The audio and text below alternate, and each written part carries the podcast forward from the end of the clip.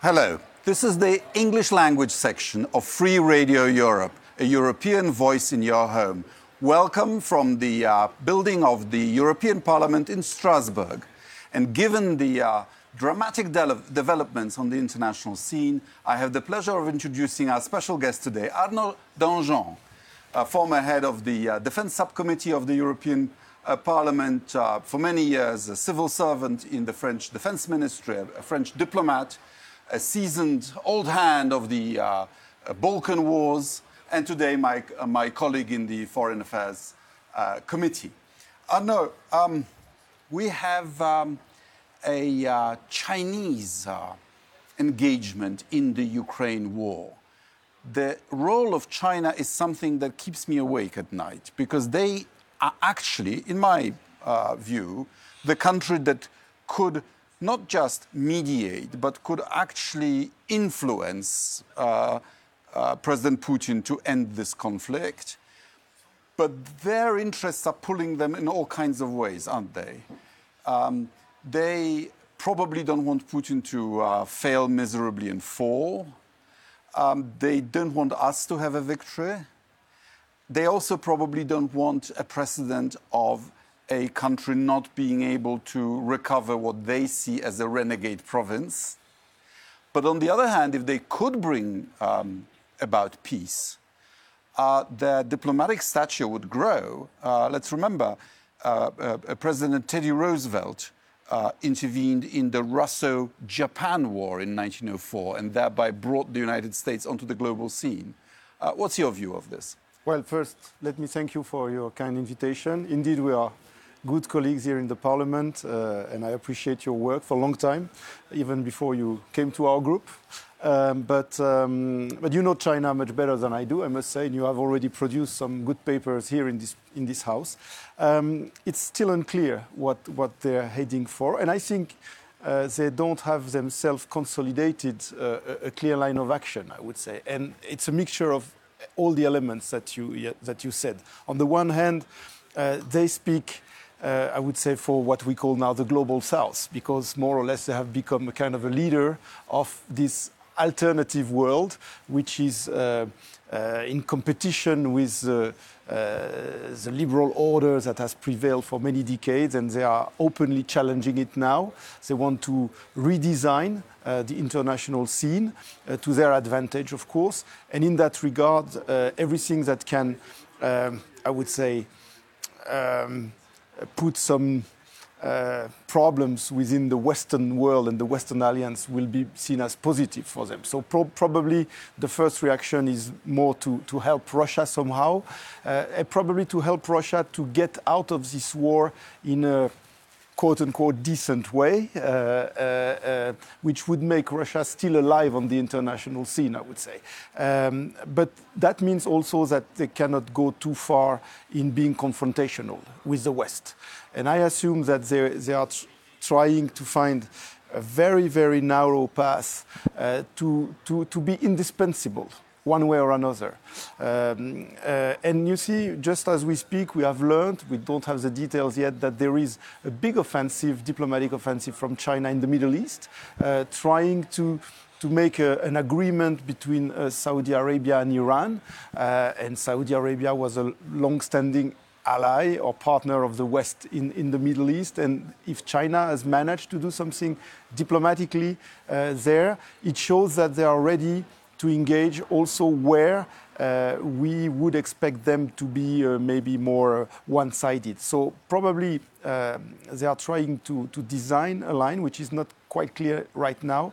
I would be very suspicious anyway, uh, because once again, I think their first public opinion, so to say, is their domestic opinion. Uh, and they've shaped it by using Russian narrative. And, and, the Russian narrative is very much alive in the Chinese uh, uh, of official uh, propaganda. And, and I mean, more than that, I think uh, they are, I would say, uh, portraying themselves for the global south as the, the leaders of and another world, I would say, of, of, of a world which, which, is reshaping not along the traditional liberal Western uh, lines. So, so I don't see them being too, uh, uh, too kind to us, I would say, to put it bluntly. But, uh, but anyway, it shows also that we, it's difficult to, to do without. I mean, we have to take that into account, not to give too much credit to initiatives which are not so clear.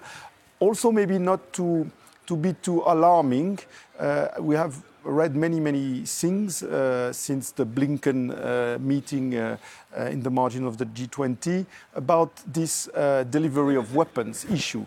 I, I don't see China uh, committing too far to, to help Russia in this field. They must even fear though, our sanctions and our consumer boycotts. I think, I think it, it, would not be probably the best way, the best card for them but to Xi play. Xi Jinping is capable of making a terrible mistake. Uh, the wolf warrior diplomacy was a terrible mistake. It, uh, China used to be really popular around the world, and now uh, he, he uh, awoke mistrust of China with nothing to show for it, really. Yes, I mean, this is a typical uh, assertive policy of an authoritarian regime becoming more and more authoritarian. Uh, and uh, indeed, there was some kind of rationality for many years about the way China was playing um, uh, getting into the, the world organizations like the UN, uh, investing in the world Trying organization. To take them over. Yeah, uh, and then you can see that it's all for one purpose, which is dominance and, and, and, and, and totally decomplexed uh, dominance. So, so uh, yes, indeed, I think there can be also some miscalculation from Chinese leadership in going too far in supporting, uh, for example, Russia. But, but we're not there yet. I don't think we're there yet. And I think there are probably still uh, trying to assess correctly what can be done. I read the document that the Chinese call their peace plan, which is nothing of the sort. It's a sort of statement of principle skewed towards Russia. So, uh, what I also fear is that they will have a fake peace initiative, which would be a mistake in my view and a lost mm. opportunity, so as to be able to say, we tried, but since it doesn't work, uh, the West, Ukraine is intransigent, therefore we are justified in delivering weapons to Russia. That could be one scenario. And this kind of a fake peace plan, we have a long experience of it. Uh, you were recalling uh, the Balkan Wars. I remember Russia, every time they're uh, friends in the region were in, in difficult position, they would come up with so-called peace plan. And then if you refuse the peace plan, you are the bad guy in the room. And then it's a pretext to, uh, uh, to escalate and, and to take side more, more, more explicitly. So yes, indeed, that, that could happen. Uh, so uh, we, will see, even though I, I sorry to say that, and and I think China is a very important country, of course, but uh, I don't think it's the, it is the key uh, issue right now. And I think the key issue right now is really on the battlefield. Uh, and, uh, and, uh, and whatever comes from China in terms of diplomatic initiatives, I don't think it can have a big influence on what's going on and on what will go on for many weeks, I fear many months even, uh, and which is in the battlefield. How is this war being perceived in France? Well, I mean, there is a kind of a paradox of the French uh, position uh, seen from outside. The outside perception is that France is still, you know, a bit cautious uh, in, uh, in supporting Ukraine, cautious on denouncing Russia, uh, and like uh, Macron was, you know, trying to find a way to to balance and so on. Well, well indeed, he was trying to play the peacemaker yeah. in his election campaign, which you can forgive him for. it went a bit beyond the election campaign, but anyway, I think um, if you go to the population, uh, and we could have seen that from, from the very beginning of the war, there was a huge, huge wave of solidarity spontaneously. Uh, I'm living in a rural area, not very sensitive to uh, foreign policy issues, I would say people would spontaneously gather uh, in support for Ukraine, uh, bring food. There were not even uh, enough storage uh, to find places. A lot of people would uh, volunteer to drive to Ukraine. Many of them did that. We welcome many refugees, even though we are not in a very uh, easy place to come. so the solidarity is big and still is. and when you have opinion polls in France, an overwhelming majority is, is seeing clearly what's going on and in supporting Ukraine. The thing is, we have many uh, vocal people, especially with the social networks phenomena, uh, vocal people, quite influential people who would side with Russia or be a bit critical towards the West. Because well, I Marine think, Le Pen would love to be the Chamberlain of this war, huh? Yeah, actually, but that's interesting because a few few weeks ago you had even people from the Rassemblement National who are obviously pro-Russian. Uh, uh, saying that what, uh, what is going on in Ukraine shows that these Ukrainians are fighting for sovereignty uh, and a nation, which are values from the extreme right, so to say, and that we should consider also uh, some kind of legitimacy in this fight. So, yes, indeed, I think uh, these people have understood, even the most pro-Russian people, I would say, have understood that the public opinion uh, is clearly... And that Ukraine is a real nation. Yeah, and that was a key point, especially in my political family, in our political family, the right wing family, the Gaullist family in France. Uh, a lot of people were a bit reluctant at first to engage very clearly. But uh, the, the, key factor was uh, seeing how the Ukrainian nation, that they would deny the very existence at some point, was indeed existing, resisting for values which are our values. Ready to die and to kill real fighters, uh, brave fighters, but not only fighters on the front line. The, the, the way the, the, whole Ukrainian society has shown immense resilience is, is an example that has struck uh, people's mind in France. Uh, um, uh, one of my good friends is the mayor of Cannes, city of Cannes, David Lisnard, is, uh, I hope, a promising talent in our family uh, the very first day of the war, he went to live uh, and, and, and, and make a partnership between Lviv and Kiev. And today, as we speak, the mayor of Lviv is in Cannes, uh, and uh, David went many times there. And for me, it was a show that, uh, you know, whatever were the position before, once it started, things were clear. And I think the, the, general mood in France is, is this one. Um, uh, solidarity is, is, is, really, is really impressive. Also, I must say that for many years with the COVID pandemic and so on, we had uh, a lot of debate in France, like everywhere in Europe, about resilience, this magic uh, word, uh, which was uh, translated everywhere and which was uh, becoming the core value of our societies, but nobody really knew what it meant. Ukraine is showing us what it means, because it's, once again, not only a military war, it's a, it's a mobilization of the whole nation to make the train system working, which is and absolutely it's a test of social system. It's social system, system on the Russian the democracy, side, a bottom-up system. Democracy is, is still vibrant. Uh, anti-corruption things are going on. I mean, so uh, it goes beyond the, the war itself, I would say, and, and I think the, the, the French public opinion is sensitive to that. The French experience is interesting intellectually for me because I, I have taken the liberty of um, comparing uh, French attitudes uh, towards the war in Indochina, but in particular in Algeria, to the Russian experience. Namely, you have something that you believe is part of the patrie and which is deciding to be separate. And it takes time for the elites to get used to the idea that those people don't want to be with us. And it takes time, doesn't it? Yes, indeed. Uh, I, am not at ease with this topic since I, I, it was not uh, comfortable it's not comfortable, but it's still, I mean, for me, it's a quite an, a, a, foreign experience because I was not born. I, I, was born long time after the Algerian war was over. Um, none of my family is coming from this place. So for me, you know, it, independence but of Algeria, Algeria was part of France. But it, it was part colony, of France. Was it? Um, it? was part of France. Um, but uh, still, I don't. I mean, uh, the comparison goes to a certain extent because uh, still there was uh, we were neighbors, but the Mediterranean was in between. So, you know, the closeness was not that close in terms of geographical terms, I would say. In terms of mixture of population as well, you know, there was quite separate, uh, separate societies at the time, uh, with a minority, European minority, and a huge, and overwhelming. Yet the uh, colonial war took eight years. Yep.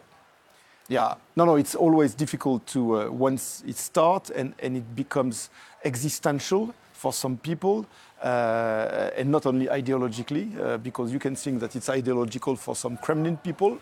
You have to admit that for some people it's existential where they want to live, uh, which kind of territories.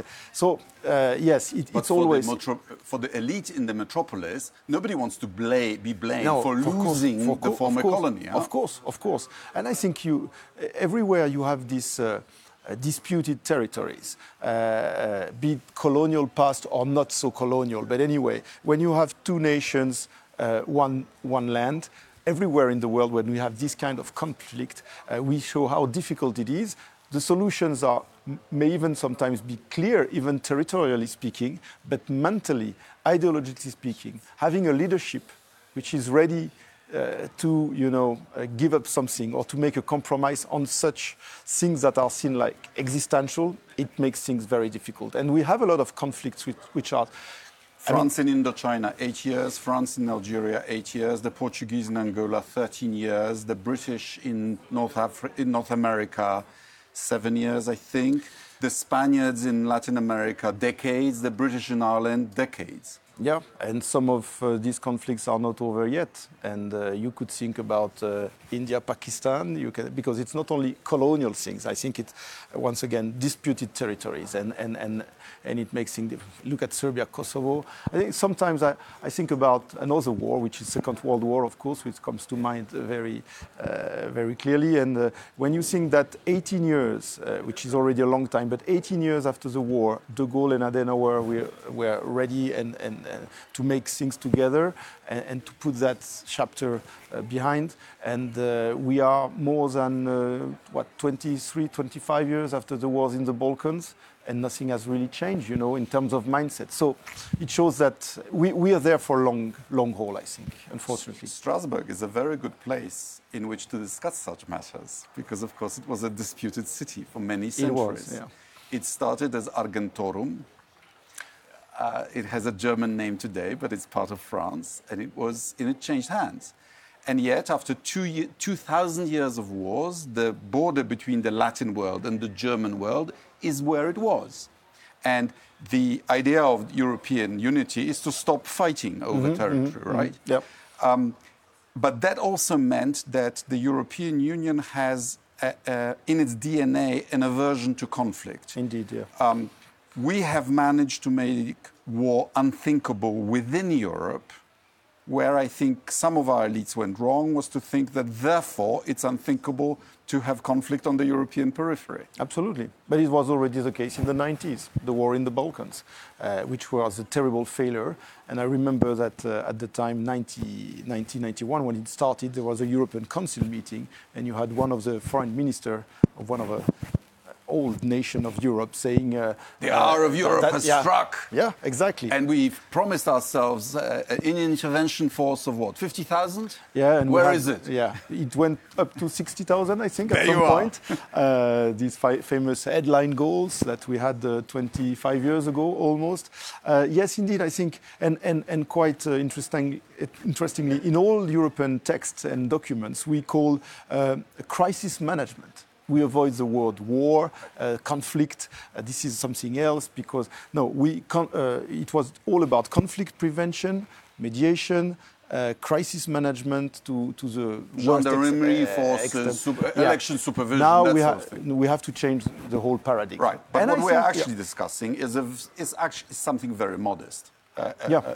a, a unit of 5,000 um, intervention, yeah, and really just an enhancement of the of the battle groups, which have proven to be a failure. Yeah. Eh, so I, am not sure that we can make it still. I'm not sure that we can make it in, in the framework of the European Union. Um, and, and this is probably one of the lessons of, of, of uh, what's going on now. It's that uh, uh, uh, NATO, uh, of course, is far from being brand dead. NATO is there. And I think more than ever, we're talking about a European pillar within NATO. I think everything which is um, uh, meant to be developed in an autonomous way in Europe, even though I was long advocating for that, and I think there is still uh, strategic logics uh, behind that. Um, we have to be also realistic. Uh, creating something on our own will prove still difficult. That's one realism, which. I accept. Mm -hmm. But there is the other realism, which is that in this conflict in Ukraine, we as Europe have been incredibly lucky. If it wasn't Joe Biden in the Indeed. White House, if it wasn't for the, uh, let's say, um, uh, uh, less than a successful withdrawal from Afghanistan, yep. Yep. the United States might have, might have said, Ukraine is not an ally, you, Europe, deal with it. Yep. And then we would have been completely helpless. Yep. That's why I think there is still uh, logic behind uh, European autonomy, so to say. I know that the word is controversial, and I understand why, especially in Eastern Europe. I can understand the reserves towards the, the, the, the French ambition of an autonomous defense Europe, but still, I, I think it's still valid strategically if we look a bit uh, beyond, uh, even if we look further down because uh, if we had a Trump in power, if we had uh, a reluctant US uh, administration, what would have happened then? We would or if the United States is engaged in a conflict yep. with China and is physically incapable of helping yep. us. So that's why we must deliver on this. But my, my point is that I, I have long hoped that we could deliver on our own. Um, uh, I think today uh, the first deliveries in this regard, when it comes to combat uh, unit, I would say, that will be mainly dealt within NATO. I am still a bit reserved about the ability of the EU as such, uh, also because we have different status within EU. You know, we have less and less neutral countries, and, uh, and I'm quite happy that uh, Finland and Sweden will join NATO, but uh, and it will help in terms of interoperability. But still, uh, we still have uh, countries. Ireland, Austria, Cyprus, we, which have a different status. So it's quite difficult to run these things at 27. We have also to take into account a kind of a comeback of the UK and I think it's a, it's a good sign. Uh, we need the UK. When we talk we should about plug them in in some fashion yes, in the security so, sphere. So that's huh? why my prior, if you ask me, my priorities today will be the plug with the UK, replug with the UK, dealing with uh, within NATO uh, to make European countries stronger within NATO, maybe more than developing something on our own. Uh, you would have asked me two years, five years, ten years from now, I would have said something maybe differently because I really thought that the European ambition uh, was there. And today, let's face the reality. Um, yeah, um, you know, I despair. If the war Ukraine in Ukraine is not making Europeans serious about their own self-defense, nothing else will. Yeah, I think, I think it will make them more serious. And what we have seen for the last year was quite impressive in a way because un unity of, of Europeans, uh, also quick deliveries of weapons, whatever we say. Ten I packages mean, yeah, of sanctions. Uh, packages of sanctions. Uh, so I think, uh, and it's, uh, I mean, the resilience is okay. For, so far, so good, I would say. And I, I hope it My latest figure yeah. are that the EU and its member states yeah. have um, pledged or spent already 67 billion euros, which yeah. compares rather well with America's absolutely. In 70 term, billion ter- about, yeah, more or less. Absolutely, absolutely. If you put all together, I think we are more or less on the same footage. Which is but will it last? But will it last? That's a big question. And second question remains. And this is what uh, Putin must be counting Of course, of course. And I think much more than the military strengths, uh, because I mean, Russia has military strengths, and we should not neglect that. Sometimes we are too enthusiastic about the fact that they will be defeated on the ground militarily.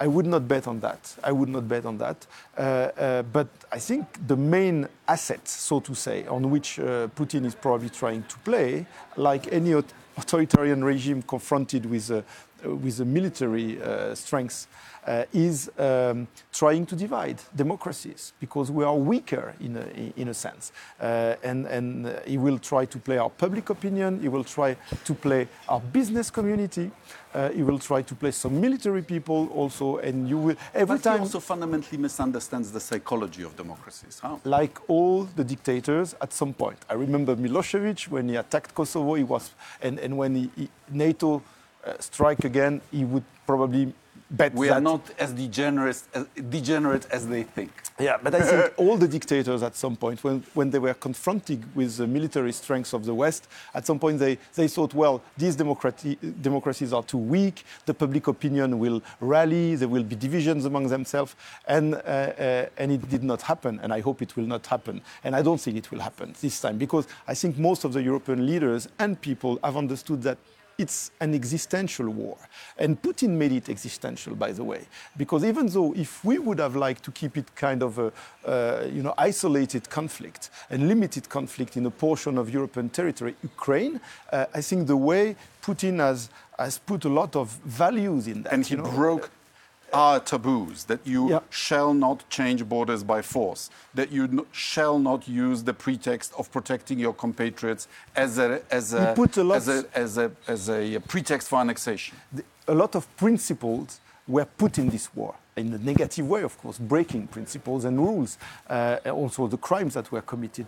And so, not only he did alienate totally the, the Ukrainian population, of course, but also uh, the, the, Western world and, and, the Europeans as a whole, because they say, well, I mean, there, there is no excuse for that. And, and so it's existential because you put so much in and it. And the trouble, as I see it, is that we can't really make peace with him. Because this is a guy who lies in your face. These are not my men in Crimea. I'm not intending to invade Ukraine.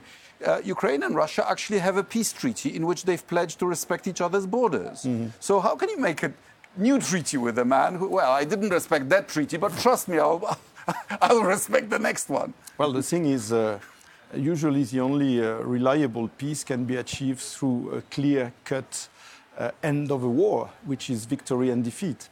That's going to prove difficult. I don't have the answer.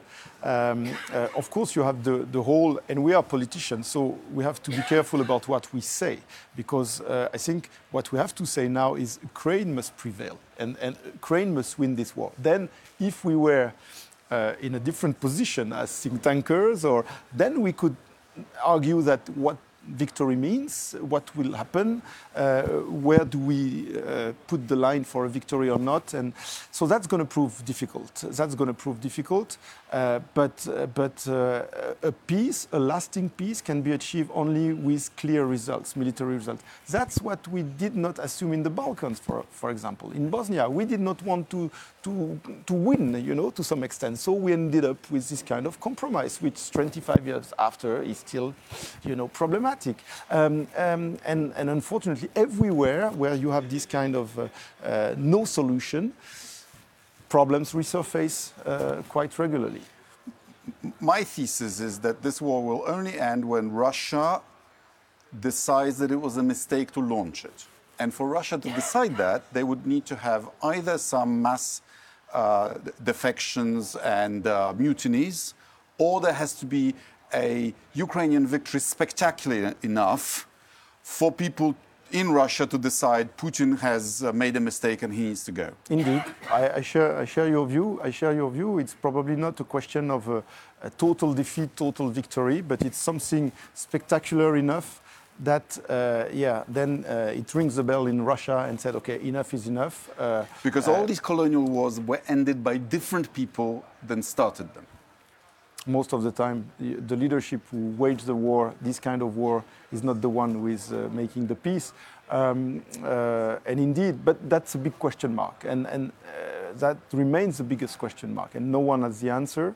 Uh, would any spectacular offensive by the Ukrainians militarily lead to something, a move in Moscow? Uh, we can hope so, uh, but we can hope, but we cannot bet on that. Quite. yeah. And, so, and, in the uh, meantime, let's work together to to uh, to beef up uh, uh Europe's yeah. defense. The, the, the, last word is what I wanted to say is indeed I think the Europeans are meeting the expectations. I think they are now again serious when they talk about defense. That's a good point about the whole thing. Uh, we are serious when talking about defense. Uh, but I still have my doubt about uh, can we sustain the effort to such an extent that indeed if there would be a bad surprise from our American allies, uh, we would be able to do something on our own. I still have my doubt, unfortunately. I wish we could, but I'm not sure. That will and it be. Takes a decade to create it, something. It takes serious. a decade. It takes a decade. So we're only on the at the starting point, so to say. Arnaud Danjean, thank you very much. Thank you, Radek. This has been the English language section of Free Radio Europe, a European voice in your home. If you've liked it, please share and uh, subscribe my channel. Thank you very much from the uh, seat of the European Parliament in Strasbourg. Thank you and goodbye.